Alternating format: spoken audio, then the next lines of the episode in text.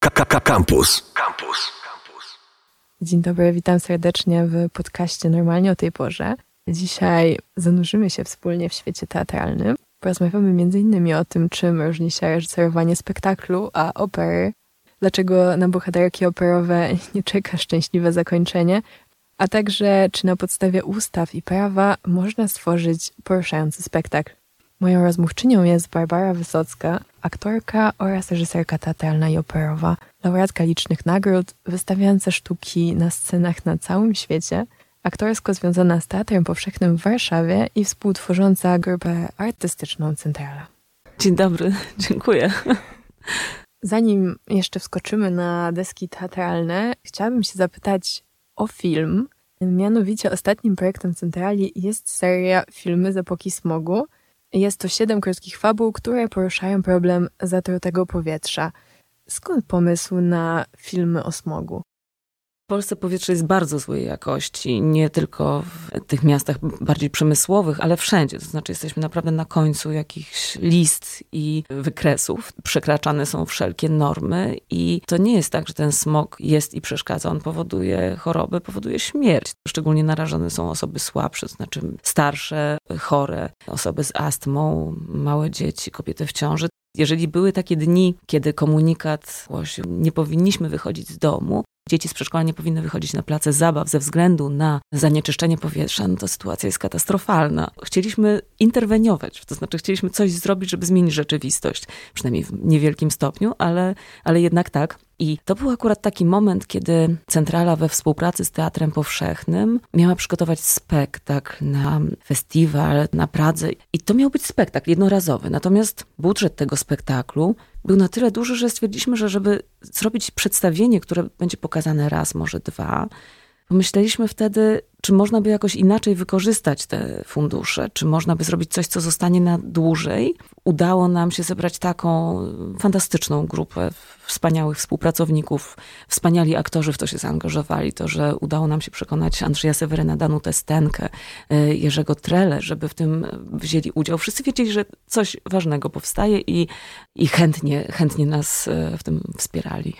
Czy od razu wiedzieliście, że będzie to siedem krótkich fabuł?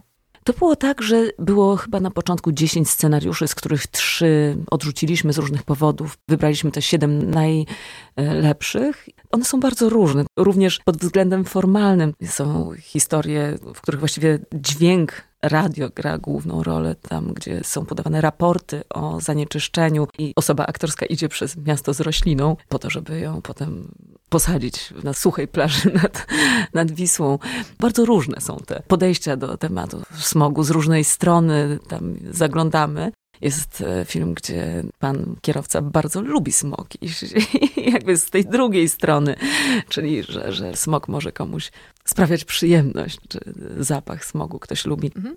Dużo humoru jest w tych filmach, ale jednak temat, e, mamy świadomość, że jest poważny i filmy, każdy z nich jest inny. I na przykład na niektóre festiwale jeździły wybrane trzy w różnych konfiguracjach. Teraz na przykład, kiedy prezentujemy je w internecie, one są dostępne na YouTube, to też była kolejność ustalona tak, żeby był taki trochę bardziej dla widzów i taki trochę bardziej abstrakcyjny. Potem taki, gdzie ma jakiś zalążek historii i taki, który jest właściwie tylko w obrazie. Więc tak żeśmy tą kolejność ustawiali. Mam nadzieję, że, że ona jakoś się sprawdzi.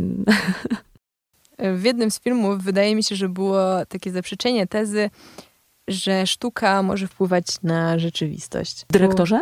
W dyrektorze, mhm. tak w filmie dyrektor, artyści próbują przekonać dyrektora do zaangażowania w projekt, tłumacząc mu, że chodzi o to, żeby sztuka naprawdę się wtrącała. To znaczy, że nie chodzi tylko o to, żeby opowiedzieć o problemie, ale też, żeby spróbować go rozwiązać, żeby pokazać, na czym mogłoby polegać rozwiązanie, żeby ta sztuka rzeczywiście była interwencyjna. To znaczy, że projektem filmy z epoki smogu poruszamy pewien temat, ale efektem ubocznym jest również pisanie i praca nad ustawą antysmogową.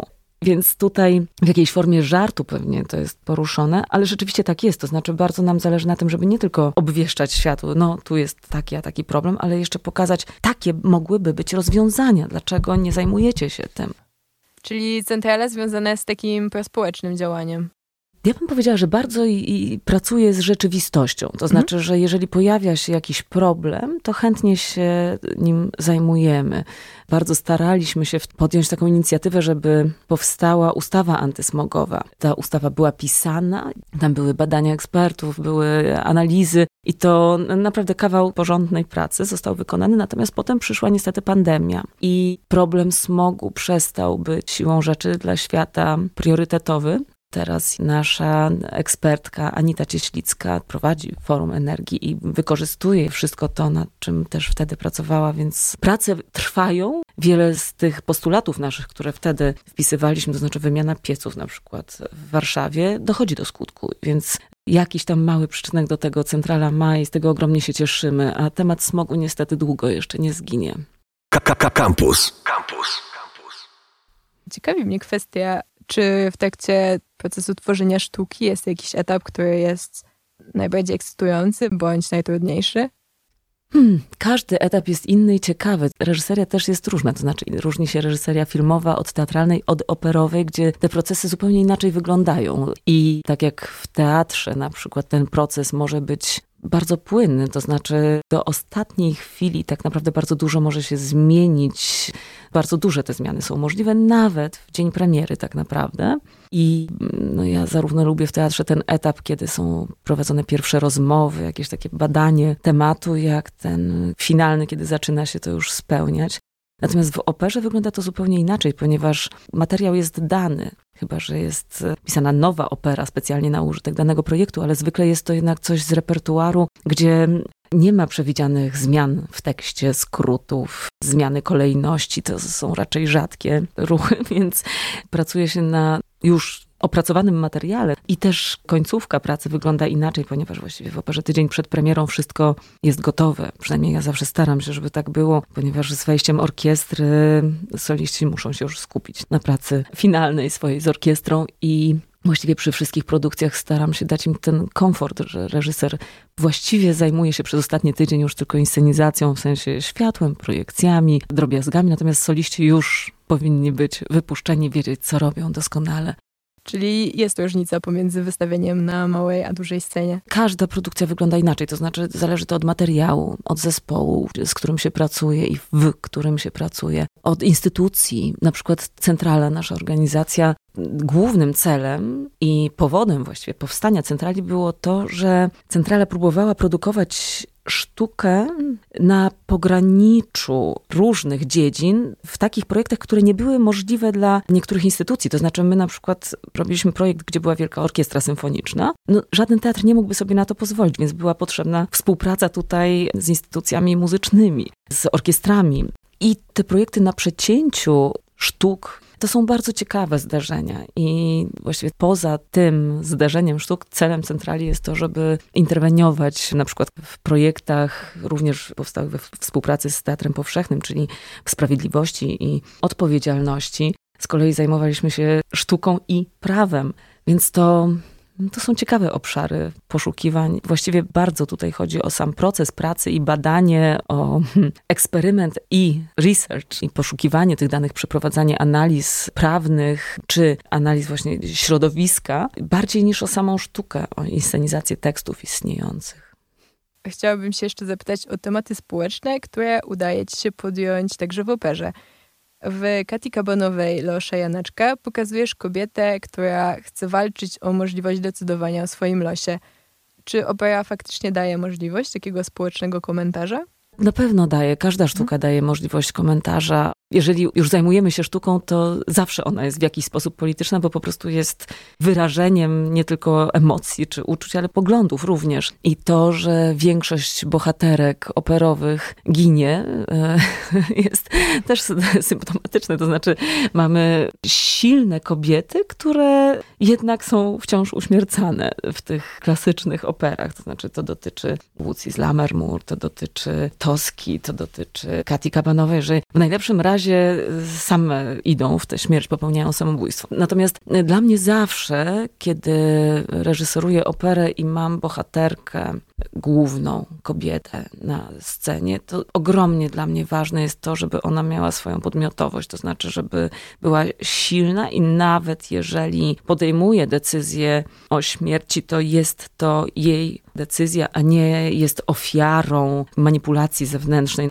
Najczęściej niestety to jest tak, że tam jest męski świat, który biedną bohaterkę, heroinę wykańcza.